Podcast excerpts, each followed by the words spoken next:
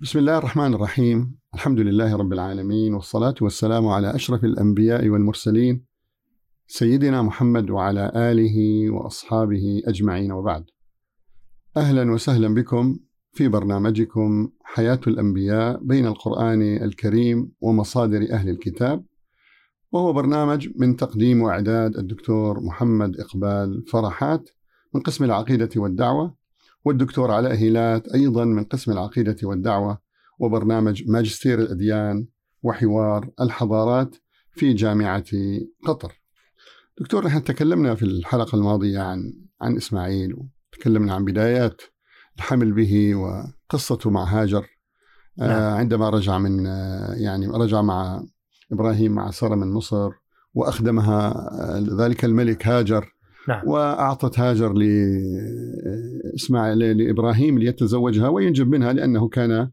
يعني كان يتوق إلى إلى الولد وهي نعم. رأت ذلك والآن حقيقة سنواصل دكتور في هذه الحلقة أن نواصل الكلام عن عن إسماعيل موضوع نعم. إسماعيل مهم جدا إسماعيل هو كما قال النبي صلى الله عليه وسلم أنا ابن الذبيحين نعم الذبيح الأول اللي هو إسماعيل إسماعيل والذبيح الثاني اللي هو عبد الله والد آه، نبينا محمد صلى الله صلى عليه وسلم. وسلم. نعم. دكتور نحن حقيقة نعرف مكانة إبراهيم أو عفوا مكانة إسماعيل وإبراهيم في القرآن. إسماعيل ذكر في القرآن كثيرا والقرآن أشاد به وذكر صفاته وتكلمنا عنها في الحلقة الماضية. نعم. الآن دكتور نريد أن نعرف ما هي مكانة إسماعيل عند إبراهيم عليه السلام في يعني عند مصادر أهل الكتاب. كيف نعم. تكلم آه تكلمت المصادر يعني اليهودية عن إسماعيل؟ وهل له ذكر في المصادر المسيحية؟ يعني هل جاء ذكره نعم. أيضا؟ نعم. إبراهيم عليه السلام. تفضل دكتور.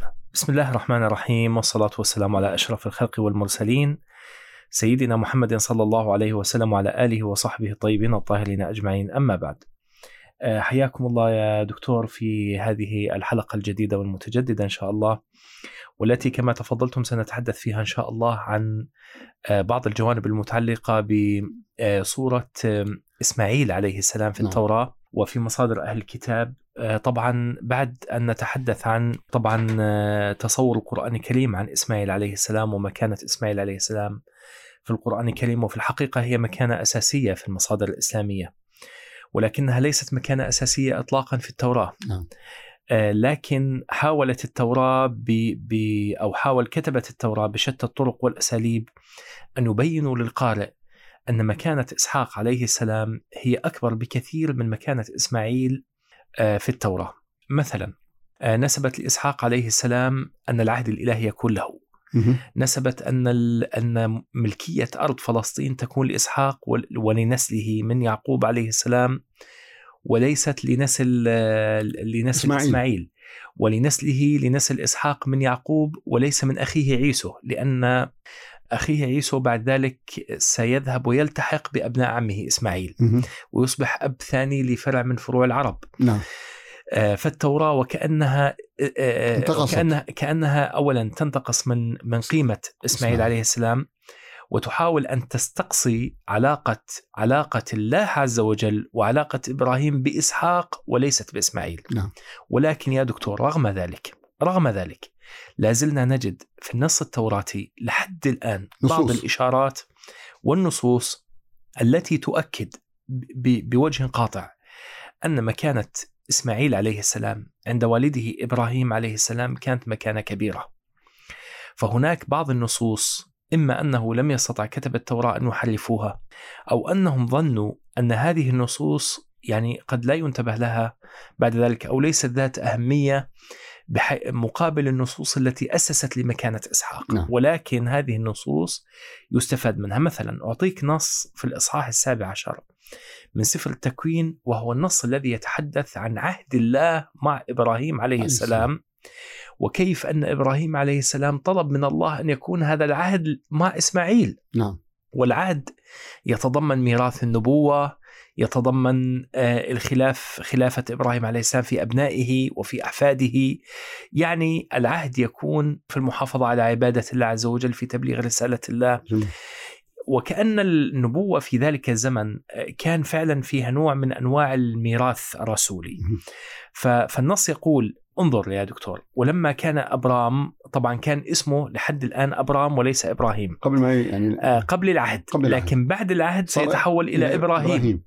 وإحنا في حلقة آه في حلقة سابقة, سابقة عن إبراهيم. بينا الفرق بين, بين أبرام, أبرام وإبراهيم, وإبراهيم. صحيح. أبرام الاب الرفيع أو العالي صحيح. بينما إبراهيم أبو جميع الأمم أب جميع الأمم صحيح نعم الأب صحيح. العالي لجميع الأمم صحيح ولما كان أبرام ابنه 99 سنة 99 سنة. أيوه.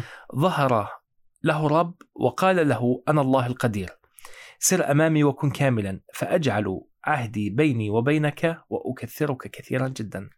فسقط أبرام على وجهه وقال الله له يعني يعني تفاجأ. طبعا وهذه من التعبيرات التوراتية يعني هذا هو أسلوب التوراة. وقال الله له وأما أنا فهو ذا عهدي معك وتكون أبا لجمهور من الأمم مهم. هنا سيغير اسمه فلا يدعى اسمك بعد أبرام بل يكون اسمك إبراهيم مهم. إبراهيم لأني أجعلك أبا لجمهور من الأمم نعم. وهذه كلمة إبراهيم أو مسمى إبراهيم وكأنها تساوي تماما أبو الأنبياء نعم.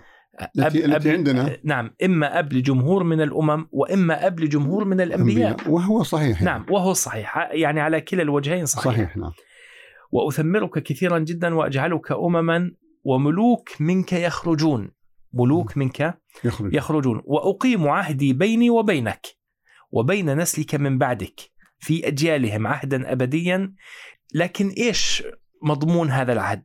هذا المضمون الأول المحتوى الأول النقطة طيب الأولى. طيب دكتور ثواني. نعم. يعني هل يعني هذا النص أيضا يعني لا يدل على إسحاق ولا نعم. يدل على إسماعيل. هو كلام عن أبنائه. يعني يشمل إسحاق نعم. ويشمل البداية ويشمل- نعم. يشمل نعم يعني- عهد عام. عهد عام يعني أقصد نعم. ما في تخصيص. لكن بعد ذلك يبدأ التخصيص. مم. يعني كتبة التوراة هم ما استطاعوا أن يغيروا كل شيء فيها. لكن ولكن غيروا بعض ذلك. الأشياء. نعم. في أجيالهم حتى يقول بيني وبين نسلك من بعدك في أجيالهم مهم. يعني يعني إلى الأبد, إلى الأبد. طالما أنهم على قيد صحيح. الحياة لكن مضمون هذا العهد أولا لأكون إلها لك ولنسلك من بعدك وهذه مشكلة يعني أكون إلها لك ولنسلك من بعدك هنا هنا يفسر اليهود هذا النص في التوراة أن العهد تضمن أن الله سبحانه وتعالى هو إله لبني إسرائيل فقط وليس إله لكل الأمم طيب لأجل هذا لأجل هذا لا يحب اليهود أحد أن يدخل في الديانة اليهودية. طيب دكتور هذا يعني أيضا يطرح نفسه يعني سؤال يطرح نفسه هنا. نعم. هل يعقل دكتور يعني أن الله يخلق البشر كل هؤلاء؟ نعم. ويخصص مجموعة منهم صحيح. ليكون ربا لهم ويترك و- بقية البشر و- نعم. لمن وهذه, يتركهم وهذه طيب؟ إشكالية كبيرة. لأن اليهود يعتقدون أن الله هو إله لهم وحدهم ويعتقدون أنهم الشعب المختار له وحده وأنه لا يحق لأحد أصلا أصلا أن يصل إلى مستوى أن يصبح عابدا لله الذي يؤمن به اليهود ويطلقون عليه, عليه أو يسمونه يهوفا. سبحان الله. وهذا لأنه هذا سيصبح جزء من الشعب المختار. وقضية الاختيار عندهم لها علاقة بالنسب ولها علاقة بالديانة. طيب دكتور. وهذه إشكالية كبيرة جميل. نعم. يعني بيولوجيا لو جئنا إلى إنسان يهودي وإنسان مثلا سامي أفريقي أمريكي نعم. عربي وشرحنا هذا الجسد. هل نجد فرق بيولوجي بين يعني الإنسان هو الانسان دكتور بالنهايه نعم. أول؟ اولا صحيح الإنسان هو الإنسان. وناقش هذه القضية الدكتور جمال حمدان. مهم. جمال حمدان. ناقش هذه القضية في كتاب له اسمه انثروبولوجيا اليهود. جميل. هو تحدث عن اليهود عن عن المجتمعات اليهودية وعن الفئات ال- عن الأجناس اليهودية البشرية اليوم المعاصرة مهم. تحدث عنها من ناحية انثروبولوجيه جميل. وأثبت في هذا الكتاب أنه لا يمكن اليهود اليوم أن ينتسبوا ليعقوب عليه السلام بأي حال من الأحوال. يعني قصدك حتى البصمة الوراثية للدي إن إيه؟ أشياء كثيرة لا يمكن جدا. ان يكون هؤلاء من لا يمكن. من نسل وحتى الهجرات وحتى الاختلاف ال- والتزاوج والإحتكاك بالأمم الذي صار. من بعد ما نشأ اليهود في فترة طويلة جدا من الزمن تصل إلى بحدود 1700 1800 سنة. ما شاء الله. فيثبت الدكتور جمال حمدان طبعا صاحب هو جمال حمدان بالمناسبة هو صاحب كتاب شخصية مصر. معروف هذا الكاتب. وهذا الكتاب من نعم. أحسن الكتب صحيح. التي تحدثت عن مصر. صحيح. ثم كتب كتاب تأثر في هذا الكتاب اللي هو انثروبولوجيا اليهود. هذا الكتاب من الكتب التي تأثر فيها الدكتور عبد الوهاب المسيري في كتابة موسوعته. آه الموسوعة اللي لأنه هو انطلق من نفس المقدمات التي انطلق منها الدكتور جمال حمدان. جميل جميل. نعم فلم يتعامل مع اليهود على أساس المسلمات وإنما تعامل مع اليهود منطق. على أساس المنطق والواقع وعلى أساس تسخير بعض العلوم الموجودة اليوم. كعلم التاريخ وعلم الانثروبولوجيا في دراسه في دراسة هذه الفئات البشرية. صحيح. ومناقشة الادعاءات مناقشة ادعاءات اليهود ادعاءات اليهود الدينية ب آه، بمنظور ومنطوق علمي جميل. معاصر. هذا كعلم الانثروبولوجيا. علم التاريخ الحديث صحيح. حتى علم الآثار. صحيح. وهكذا. لأجل هذا جميل. لأجل هذا فعلا. يعني حقيقة اولا هذا العهد كان كان لإبراهيم عليه السلام ولنس ولنسله. سواء كانوا من بني إسرائيل طبعا وإسرائيل هو يعقوب عليه السلام. أو كانوا من نسل من نسل إسماعيل عليه السلام سواء من نسل إسحاق و- ويعقوب أو من, ومن نسل إسماعيل. إسماعيل. وأبناء إسماعيل فهذا العهد فعلا كان عهدا عاما لكن الإشكالية فيه في التحريف أنه يقول في البداية عهدا ابديا لأكون الها لك ولنسلك من بعدك ويستثني باقي الأمم لأجل هذا نقاد التوراة يقولون أن هذه التوراة لا تتحدث عن علاقة الله عز وجل بال- بالأمم والحضارات. مثل القرآن الكريم. صحيح. القرآن الكريم يتحدث عن الحضارات السابقة كيف انهارت وكيف أفسدت وكيف أن بعض صحيح. الحضارات لم تستجب لرسالات الله عز وجل صحيح. ورسالات الأنبياء والرسل. صحيح. فكان هذا سبب انهيارها في القرآن الكريم وكأنه خطاب عالمي. صحيح. لكن التوراة هي تتحدث عن علاقة بني إسرائيل خصوصا بالله. بالله سبحانه وتعالى. فقط. يعني الدكتور القرآن عندما يقول يا أيها الناس إنا خلقناكم من ذكر وأنثى. وأنثى وجعلناكم وجعلناكم شعوبا وقبائل لتعارفوا. وقبائل, إن أكرمكم عند الله أتقاكم. إن أكرمكم معيار. التفاضل ليس الجنس. نعم. لأن ولا الجنس اللون هذا ولا العرق أمر, ولا أمر, شيء. لا أمر لا يملكه نعم. الإنسان. أنت ما تملك أن تولد. من هذا الأب أو من تلك الأم صحيح. لكن لأجل- تملك نعم. التقوى. تملك هذا المعيار. نعم. لأجل هذا يا دكتور عفوا هناك مف- إشكالية كبيرة جدا في مفهوم الإنسان في التوراة. مفهوم الإنسان في التوراة في سفر التكوين بدأ مفهوم عام. وكأن التوراة تتحدث عن عن الإنسان اليهودي عن- فقط. في البداية لا في البداية تتحدث عن مفهوم الإنسان كإنسان بشكل عام عن آدم وأبناء آدم. ولكن بعد بعد عدة إصحاحات في سفر التكوين نفسه صار في تخصيص. تبدأ تخصص بانه الإنسان الذي يطلق عليه إنسان حقيقة هو الإنسان اليهودي فقط أو اليهو أو الإسرائيلي الذي ينتسب لبني إسرائيل.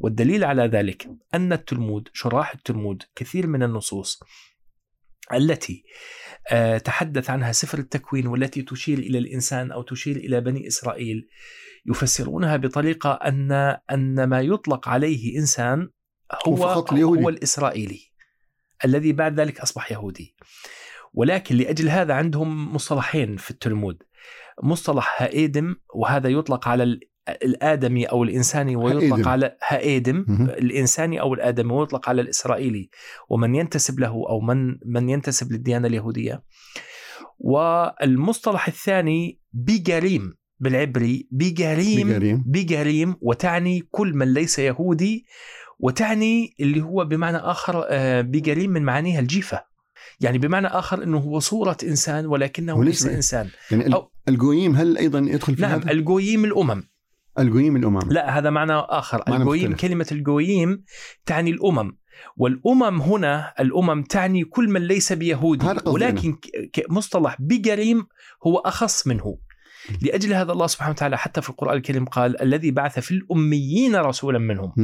بعض العلماء الذين لهم اطلاع على اليهودية قالوا أو حتى الدراسات الدينية المقارنة قالوا بأن تفسير هذه الآية صحيح أنه يصلح الذي بعث في الأميين رسولا منهم في الأميين دليل على العرب لأنهم كانوا أميين لا يقرؤون ولا يكتبون، نعم. إلا ما ندر إلا قلة منهم ولكن أيضا هنا هذا رد على اليهود يهود المدينة الذين كانوا يقولون ويتوعدون الأوس والخزرج نعم. بأنه لا بد أن يخرج نبي منا وليس من غيرنا مهم. لأنهم كانوا يطلقون على كل من هو غيرهم أميين أو أمميين آه. فالله هنا يقول الذي بعث في الأميين أميين رسولا منهم. ردا على اليهود أي من الأمميين أيوة أي أن النبي جاء من الأمم جاء من غير بني غير اسرائيل بني إسرائيل. وليس من بني بني إسرائيل. إسرائيل هذا حقيقة يعني هذه إشارة جميلة دكتور نعم. لأجل هذا لأجل هذا هنا هنا لدينا إشكاليتين، الإشكالية الأولى تخصيص الألوهية مفهوم الألوهية تخصيصها ببني إسرائيل. مهم. الها لهم هذا المضمون العهد الأول، هناك إشكالية بمفهوم الإنسان أيضا، مفهوم الإنسان يدل الإنسان الكامل يدل على الإنسان طيب اليهودي. مفهوم الربوبية دكتور إيش ماذا يرون إذا مفهوم آه، الألوهية هم- عندهم في إشكالية. هل يقولون بمفهوم الربوبية؟ نحن عندنا مفهوم الربوبية نعم. أو توحيد الربوبية توحيد ال- الألوهية والأسماء والصفات. وتوحيد الأسماء نعم. والصفات. صحيح نعم. هم هل كيف يتعاملون مع هذه يعني نعم هم يثبتون هذه طبعا هناك بعض العلماء منهم مثل موسى بن ميمون مثل سعدية قول الفيومي هؤلاء متأثرين عاشوا في ال- الثقافة الإسلامية. عاشوا في عاشوا في الإسلامية الإسلامية. وتأثروا بالثقافة الإسلامية. موسى بن ميمون كتاب دلالة. الحائرين أقرب ما يكون كتب يحمل إلى المسلمين. الفكر المعتزلي يعني صحيح آه، سعدية قول الفيومي في العراق آه، كان أول من ترجم التوراة إلى اللغة العربية العربية. فهم متأثرين بعض مثلا آه، عندك بحايا بن فقودة كتب كتاب فرائض القلوب تأثر فيه بالغزالي. تصوف لما, لما كتب إحياء علوم الدين. سبحان لا تستطيع أن تفرق بين فرائض القلوب لبحايا بن. فقودة أو فقودة وبين إحياء علوم الدين. لما قرأ هذا الكتاب أخذ بلبه. الله أكبر. فكتب كتاب لليهود على على على, منواله، نسقه على منواله. جميل. وأيضا سماه الغزالي سمى إحياء علوم الدين وذاك سماه فرائض القلوب. جميل. لأجل هذا هؤلاء العلماء الذين تأثروا بالثقافة الإسلامية مفهومهم للألوهية والربوبية والأسماء والصفات تقريبا نفس المفهوم الإسلامي آه، إلا في موضوع الصفات. هم يثبتون الصفات التجسيميه لكنهم يؤولونها نعم. يؤولونها إلى معنى آخر. لكن إذا أردنا أن نتحدث عن التوراة التوراة تثبت تثبت الألوهية وتثبت الربوبية وتثبت توحيد الألوهية وتوحيد الربوبية وتوحيد الأسماء والصفات. فالإله في التوراة خالق نعم. ورازق ومعطي ومانع. نعم و- وصفات الربوبيه كلها متمثلة فيه. نعم. آه ال ال ال لا في الربوبيه سواء على اليهود أو غيرهم لأنه سيعاقب الأمم لأنه سيفعل كذا آه. سيدمر الأمم. هناك هناك يعني مواعيد وكأنها يعني لها علاقة بصفه الربوبية لكنها متعلقة بالأمم. الامم الاخرى لكن لكن صفات الألوهية في التوراة هي مقتصرة على اليهود فقط. سبحان الله. نعم. والصفات اللي هي الأسماء والصفات التوراة معروف أنها تجسم. في التجسيم يعني. هم يقولون نعم بالتجسيم التوراة, تماما. التوراة المجسم تجسم يعتبرون. تماما. نعم. وهناك نصوص كثيرة جدا تثبت التجسيم بكل صراحة يعني حتى يصعب تأويله. الله أكبر. نعم. لأجل هذا هذا مضمون العهد الأول. المضمون الثاني أكون إلها لك ولنسلك من بعدك وأعطي لك ولنسلك من بعدك أرض غربتك. أرض غربتك. وهنا الغريب بالموضوع أنه يسمي أرض فلسطين أرض الغربة. آه مع إبراهيم مع عنده مع كان- إبراهيم. ويقول له هذه أرض غربتك. يعني هذه الأرض التي أنت تغربت فيها. يعني هي ليس لم تكن لك. لأجل هذا لما جاء إبراهيم عليه السلام كان هناك ال- الكنعانيين واليبوسيين والحثيين والفريزيين كل البطون التي جاءت من كنعان كانت موجودة مز- قبل إبراهيم قبل بدليل إنه باقي النص يقول له ولن... وأعطي لك ولنسلك من بعدك أرض غربتك كل أرض كنعان وسماها أرض كنعان. اذا هي كانت يعني كانت أرض منسوبة كنعان للكنعانيين. قبل إبراهيم عليه السلام. قبل إبراهيم ملكا أبديا وأكون إلههم. اله إله من؟ إله هؤلاء الاقوام لا لا إله إله- إله, إله نسله. إله نسله. نسل إبراهيم عليه السلام. السلام. فيقول له هنا و- وأعطي آه، ولي وأعطي لك ولنسلك من بعدك أرض غربتك. وقال الله لإبراهيم وأما أنت فتحفظ عهدي أنت ونسلك من بعدك في أجيالهم هذا هو عهدي الذي تحفظونه بيني وبينكم وبين نسلك من بعدك. الآن إيش علامة العهد يا دكتور؟ إيه؟ علامة المحافظة على على العهد. يختتن منكم كل ذكر أو يختن منكم كل ذكر فتختتنون في لحم غر- غرلتكم فيكون علامة عهد بيني وبينكم نعم. هنا بدأ عهد الختان. لأجل هذا يسموه عهد الختان لأنه إبراهيم عليه السلام اختتن وهو في هذا السن القدوم وختن أبناء نعم و... وكل كل ابن ثمانية أيام يجب أن يختن حسب الشريعة اليهودية. بعد ذلك يم... يمضي النص. وقال الله لإبراهيم بعد ذلك ساراي امرأتك. شوف يا دكتور هذ- هذه النبوءة أيضا. ه- هذا جزء من العهد. وقال الله لإبراهيم ساراي امرأتك. لا لا لا تدعو اسمها يعني لا تدعوها من الآن ساراي بل اسمها سارة أو سارة يعني التي ستجلب لك المسرة. آه. نعم. يعني حتى اسم صار تغير؟ اسم سارة تغير. كلمة ساراي في اللغات القديمة كان معناها الأميرة. وأصبحت سارة. وأصبحت سارة. من, من التي بتجديد من ال- التي التي. ستجلب لك السرور. سرورا. طب ما هو هذا السرور الذي ت- إسحاق. ستجلب لك؟ إسحاق. نعم. وأباركها وأعطيك أيضا من منها ابنا. هذا هو علامة المسرة. وأباركها فتكون أمما. وملوك شعوب منها يخرجون أو يكونون. ملوك شعوب. فسقط إبراهيم على وجهه وضحك وقال في قلبه هل يولد لابني مئة سنة؟ وهل تلد سارة وهي بنت تسعين سنة؟ آه هنا يأتي النص ويقول وقال إبراهيم لله ليت إسماعيل يعيش أمامك.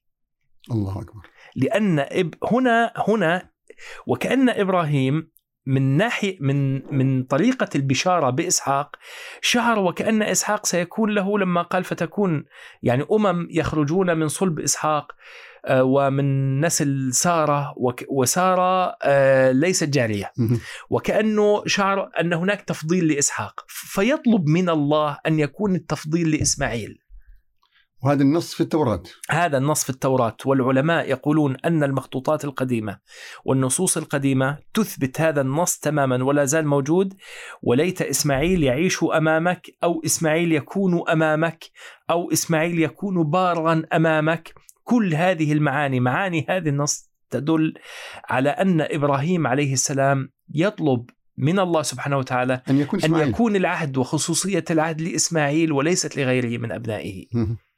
طيب لإسماعيل وهذا الأمر يا دكتور يبين مكانة مين؟ مكانة إسماعيل. إسماعيل. في نفس هذا النص الأول في نفس آه، إبراهيم عليه السلام كيف رد الآن الله سبحانه وتعالى في النص. فقال الله بل سارة وهذا يدل على أن اسم إبراهيم عليه السلام طلب العهد.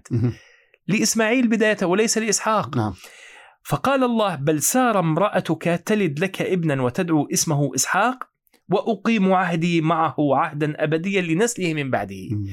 هذا ال- هذا جواب على سؤال. صحيح. فوكأن النص فيه تقدير محذوف. صحيح. ما المحذوف؟ المحذوف إنه لما الله سبحانه وتعالى جاوب قال بل بل سارة هي التي تلد لك ولدا وتدعوه إسحاق وأقيم عهدي معه لما جاوبه هذا الجواب اذا السؤال الذي سأله إبراهيم أنه ليت إسماعيل يعيش أمامك ويكون العهد له. صحيح. فقال له لا بل سارة هي التي تلد لك ولدا وأقيم عهدي معه ولنسله من بعده. وهذا هذا أول شيء. في حذف تحريف بالحذف. وتحريف بالتغيير. ولكن هنا لما أثبتوا أن العهد سيكون مع إسحاق أصبح نص ليت إسماعيل يعيش أمامك ليس نصا فاعلا. يعني فقد أهم فقد ف- وكأنه فقد أهميته فرغ وفرغ من. فرغ من مضمونه محتوى. من خلال المحتوى الذي تم إزالته. طيب. يقول له بعد ذلك وأما إسماعيل فقد سمعت لك فيه عفوا يا دكتور. أما إسماعيل فقد سمعت لك فيه. يعني إسماعيل فقط هو إجابة الدعاء، أنت طلبت ولدا أن يكون لك ولدا. فاستجبت دعائك وكان لك الولد. أما أكثر من ذلك ليس لإسماعيل أكثر من ذلك. صحيح طيب ها أنا أباركه وأثمره وأكثره كثيرا جدا اثني عشر رئيسا يلد وأجعله أمة كبيرة ولكن عهدي مرة أخرى. ولكن عهدي أقيمه مع إسحاق الذي تلده لك سارة نعم. في هذا الوقت في السنة الآتية فلما فرغ من الكلام معه صعد الله عن إبراهيم فأخذ إبراهيم يعني وحيه أو كلامه فأخذ إبراهيم إسماعيل ابنه وجميع ولدان بيته وجميع المبتاعين بفضة كل ذكر من أهل بيت إبراهيم وختن لحم غرلتهم في ذلك اليوم عينه كما كلمه الله وكان إبراهيم ابن 99 سنة حين ختن لحم غرلته وكان إسماعيل ابن 13 سنة.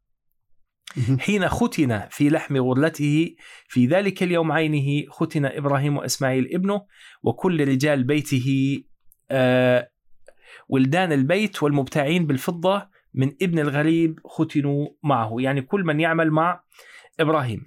هنا هنا فقط أريد أن أن أقول آه، نقطة آه، في هذا السؤال. إنه لما نأتي نتحدث عن عن الخصام الذي حدث بين سارة وهاجر آه، هذا هذه الحادثة تبين أيضا مكانة إسماعيل في نفس إبراهيم عليه السلام. لأنه سارة طلبت من إبراهيم عليه السلام أن يطرد جاريتها هاجر وابنها. فيقول النص ورأت سارة ابن هاجر المصرية الذي ولدته لإبراهيم يمرح. فقال لإبراهيم أو في بعض النصوص يمازح ابنها إسحاق بعد أن ولد. فقالت لإبراهيم أطرد هذه الجارية وابنها لأن ابن الجارية لا يرث مع ابن إسحاق. فقبح هذا الكلام جدا في عيني إبراهيم لسبب ابنه إسماعيل. مم. يعني هذا نص واضح هذا نص واضح ويدل طيب. على طيب. مكانة إسماعيل في طيب نفس دكتور إبراهيم. إحنا حقيقة سنذهب إلى موضوع آخر هو الفرق ما بين العهد والميثاق. نعم الذي في القرآن وال- والعهد في التوراة عندنا مثلا القرآن يعني وإذ جعلنا البيت مثابة للناس وأمنا نعم. واتخذوا من مقام إبراهيم مصلى وعهدنا إلى إبراهيم وإسماعيل في نصوص في القرآن تتكلم على أن العهد كان لإبراهيم وإسماعيل نعم وعهدنا إلى إبراهيم وإسماعيل أن طهرا بيتي للطائفين والعاكفين والركع السجود. نعم. عندنا آه، طبعا لا شك أن الله سبحانه وتعالى أيضا يا بني إسرائيل اذكروا نعمتي التي أنعمت عليكم وأوفوا بعهدي نعم أوفي أوفي بعهدك. بعهدكم وإياي فارهبون نعم. وآمنوا بما أنزلت مصدقا لما معكم ولا تكونوا أول كافر به. اذا من ضمن العهد الذي أخذ على اليهود دكتور التصديق بمحمد صلى الله عليه وسلم صلى الله عليه وسلم نعم. والايمان به والدليل على ذلك آه، يعني آه، عندنا حقيقة آه، عندما الله أيضا يقول وإذ ابتلى إبراهيم ربه بكلمات فأتمهن قال إني جاعلك للناس إماما. نعم. قال ومن قال ذريتي؟ ذريتي. قال لا ينال عهد الظالمين. نعم. اذا الظلم منفي عن يعني اذا عفوا يعني العهد آه، يعني مرفوع عن الظالمين. لا نعم. يمكن أن يعاهد الله سبحانه وتعالى الظالمين. نعم. ولذلك حقيقة ونحن أنا أشعر من خلال قراءتي دكتور في- العهد يتوقف مع الظلم. يتوقف عن الظلم وأيضا العهد مربوط كأنه دكتور مربوط بال... بال... بالبيت الحرام. نعم. بمكه نعم يعني في في في علاقة ما بين العهد اللي في القرآن نعم. والعهد أيضا ال- الارتباط بمكة نعم وأيضا جزء من العهد أيضا مرتبط بالتصديق بمحمد صلى الله عليه وسلم صحيح طيب نعم. آه كيف هو العهد في التوراة دكتور؟ نعم آه، آه، في البداية يا دكتور بارك الله فيك لو عدنا إلى الآيات آه، الآيات في القرآن الكريم في سورة البقرة التي تحدثت عن عهد الله عز وجل لإبراهيم نعم. وإسماعيل الله سبحانه وتعالى تحدث عن هذا العهد في سياق الحديث عن اليهود والنصارى. صحيح. فالله سبحانه وتعالى في الآية 125 في سورة البقرة يقول ولن ترضى عنك اليهود ولا النصارى. هذه كانت بداية الآيات هذه بداية السياق. صح. ولن ترضى عنك اليهود ولا النصارى حتى تتبع ملتهم. قل إن هدى الله هو الهدى ولئن اتبعت أهواءهم بعد الذي جاءك من العلم ما لك من الله من ولي ولا طيب. سؤال دكتور بسيط. نعم. ولن ترضى عنك اليهود ولا النصارى حتى تتبع ملتهم أنا نعم. أفهم أن النصارى يقبلون أن نتبع ملتهم لكن هل يقبل اليهود أن نتبع ملتهم؟ لا لا اليهود اليهود عندهم إشكالية كبيرة جدا في موضوع التهويد التهويد هذا قصدي في أنا. موضوع الاتباع والتهويد نعم طيب. اليهود اليهود مفهوم الاتباع عندهم اتباع شكلي اتباع خضوع وليس, آه، وليس اتباع ديني دين آه. نعم جميل. وليس اتباع هذه ديني مهمة دكتور حتى النصارى يا دكتور يفرقون حتى النصارى لديهم نوع من التفريق في الاتباع أو في من يدخل ال... يدخل. النصرانية في من يدخل المسيحية لأجل هذا النصارى يعتقدون أن ال... أن النصراني أو الم... النصراني وليس المسيحي النصراني. في أعلى مستوى صاحب الدرجة الأولى. هو ال... هو النصراني أو هو المسيحي الذي دخل أو آمن بالمسيح وكان أصلا يهوديا هذا يطلقون عليه نصراني سبحان نصارى ويقولون هم الذين ناصروا المسيح فهؤلاء يجب أن يكون في البداية يهودي تحول إلى النصرانية. مهم. أما كل من لم يكن يهوديا, يهودياً. في البداية حتى النصارى أنفسهم يسموه مسيحي. هذا الفارق ما بين المسيحية هذا الفارق. والنصرانية. لأجل هذا هم أنفسهم حتى يميزون. وال واليهود يميزون أكثر طبعا. ال اليهود يميزون أكثر. لأجل هذا اليهود ليس عندهم دعوة لليهودية. صحيح. وكنا تحدثنا في إحدى الحلقات كيف ان كيف أن هناك فرق بين بين الإسلام بين فلسفة الإسلام في هذا الموضوع واليهودية.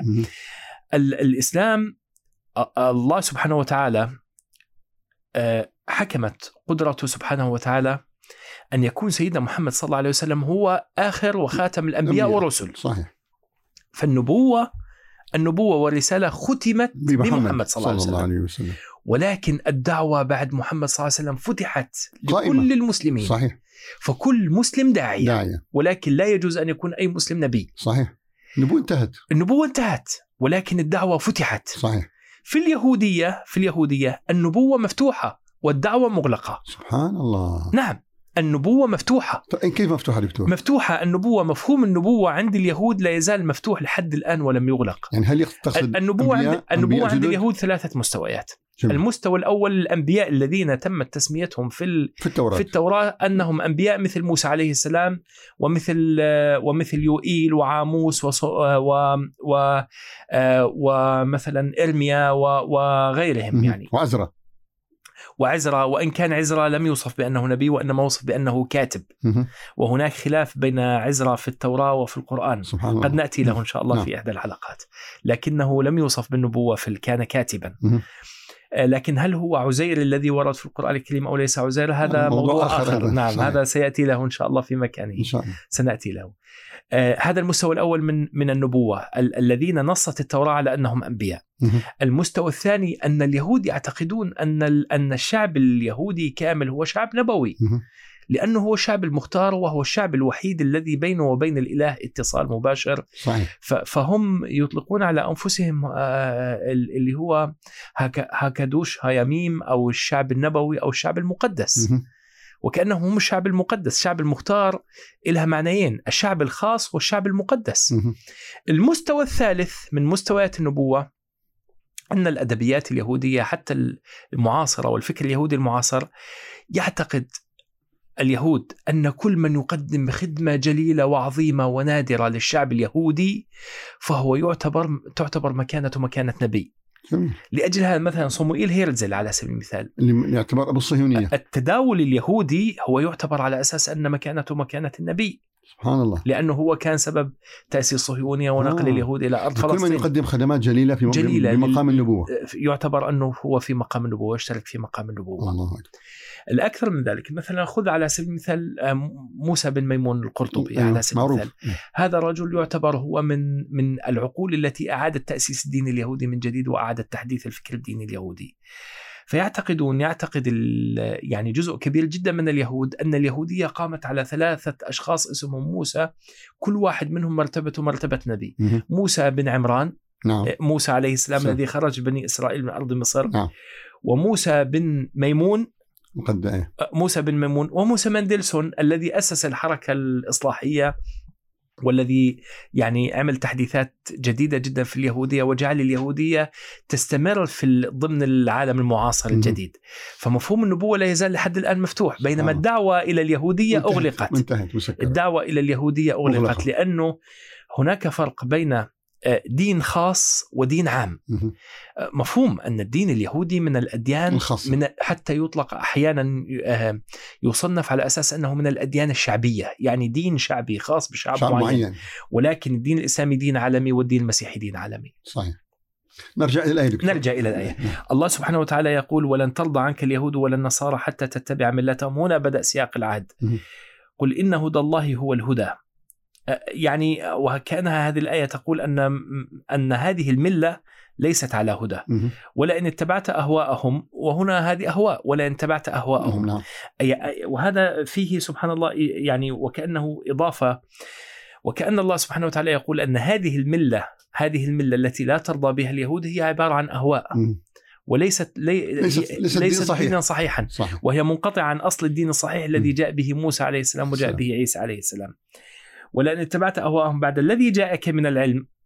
ما لك من الله من ولي ولا نصير. يعني الذي جاءك هو الحق والذي عندهم الآن هو هو نعم. أهواءهم هم. باطل. يعني هم الذين هم, هم الذين اخترعوا. هم اخترعوا صحيح. يا بني إسرائيل اذكروا نعمتي التي أنعمت عليكم وأني فضلتكم على العالمين. هنا بدا بدأ التمهيد للعهد. وهذا العهد هو نوع من أنواع التفضيل. صح. لأن الآن سأبين ما- ماذا يعني. واتقوا يوما لا تجزي نفس عن نفس شيئا ولا يقبل منها عدل ولا تنفعها شفاعة ولا هم ينصرون. وإذ ابتلى إبراهيم ربه بكلمات فأتمهن. قال إني جاعل. بعد الابتلاء بعد الابتلاء بعد فأتمهن. الله ابتلى إبراهيم عليه السلام بعدة ابتلاءات. فلما أتمهن جاء مفهوم الإمامة لإبراهيم وجاء العهد الإلهي. له ولنسله. فأتمهن قال إني جاعلك للناس إماما. قال ومن ذريتي؟ قال لا ينال عهد الظالمين. هذه لا ينال عهد الظالمين إشارة لما بدأت به الآيات اللي هي اليهود. والنصارى. نعم. إنه نعم. هؤلاء هؤلاء حتى وإن كانوا من نسل إبراهيم عليه السلام لكنهم ظلموا بدلوا وظلموا. ظلموا وبدلوا فهؤلاء خارجين عن العهد. صحيح. ما هؤلاء. خرجوا عن العهد. صحيح. طيب هنا يأتي النص على العهد.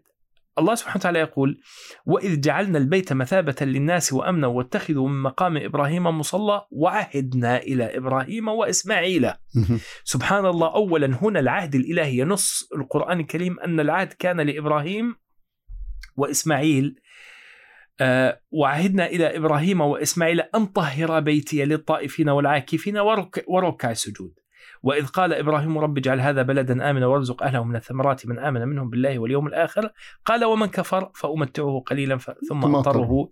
إلى نعم. عذاب النار وبئس بئس المصير. إذا أولا مضمون العهد في القرآن الكريم إع- إعادة إحياء عبادة الله عز وجل في البيت الحرام. تحديدا. نعم. في الكعبة المشرفة. وتطهير هذا البيت الحرام وكل هذه المنطقة من, من العبادة لغير الله. ومن ومن العبادة لغير الله عز وجل. والعاكفين وركع السجود هنا العاكفين فيها إشارة إلى الحج والعمرة و صحيح. وما إلى ذلك. و ف ف فهذا هو العهد الإلهي، العهد الإلهي العهد الإلهي في القرآن الكريم في القرآن الكريم ينص ينص عبادة الله عز وجل تطهير البيت اللي هو الرساله يا دكتور. نعم. اللي هو الرساله رسالة والنبوة صحيح. اللي هو والدعوة الإلهية. تتضمن التكليف التكليف بمسؤولية الدعوة إلى الله وتطهير البيت الحرام وما حوله به. وحياة هذه الأمم التي حوله من عبادة غير الله عز وجل ومن الشرك هذا هو العهد الإلهي وكأن الله سبحانه وتعالى يقول أنا اخترتك يا إبراهيم ونسلك ونسلك من بعدك من من إسماعيل أو من إسحاق لأن يقوموا بمهمة تطهير هذه الأمم مم. والشعوب من الشرك يعني أنتم المكلفين بدعوة هذه الأمم فإذا كنت نبيا مكلفا بالرسالة و و والتطهير فكل أبنائك من بعدك مكلفين بالرسالة وهذا والتطهير دكتور يعني وهذا الذي وهذا اللي. نراه اليوم نحن أيضا يعني نعم. نحن نرى الكعبة اليوم ونرى هذه الأعداد نعم. 2 مليون 3 مليون يأتون كل نعم. سنة يعني ما أظن في بقعة في الأرض اليوم يحيط بها هذا العدد من البشر الذي يأتونها من كل فج عميق مثل الكعبة يعني نعم. يعني الصورة الحاضرة هي تدل على هذا العهد على نعم. العهد الموجود الذي أخذه الله على إبراهيم وإسماعيل نعم بالضبط لأجل هذا لأجل هذا آه ال- ال- التوراة التوراة لا تنص على أي مفهوم له علاقة بالعبادة في العهد. في العهد. لكن العهد العهد. العهد هو يتضمن يتضمن قضية ملكية أرض قضية أن أن خصوصية الإله القرآن- وليست العبادة خصوصية الإله. أن إله بني إسرائيل سيكون إلها خاصا خاصة لهم فقط وهم شعبا خاصا به القضية الثانية أنه سيملكهم أرض فلسطين بعد ذلك أو أرض كنعان. ويقول أرض غربتك. لكن ملكية الأرض في التوراة هي هذه المتضمنة. للعهد لكن ما في كلام عن الخلافة، ما في عن الخلافة العبادة. النبوة العبادة تطهير الأرض من الفساد حتى حتى حتى المفهوم الرسالي لباقي الأمم غير موجود لأجل هذا لأجل هذا يقول أحد العلماء ما الفرق بين الحضارة الإسلامية وال- والحضارات الأخرى؟ يقول بأن الحضارة الإسلامية حضارة رسالة وهداية. صحيح. بينما الحضارات الأخرى حضارة- كانت حضارة ذا كانت حضارة ذاتية. صحيح. كل الحضارات كانت تريد أن تبني ذاتها صحيح. ولكن الحضارة الإسلامية كانت تريد أن أن تبني تبني غيرها. ذات الآخرين. صحيح.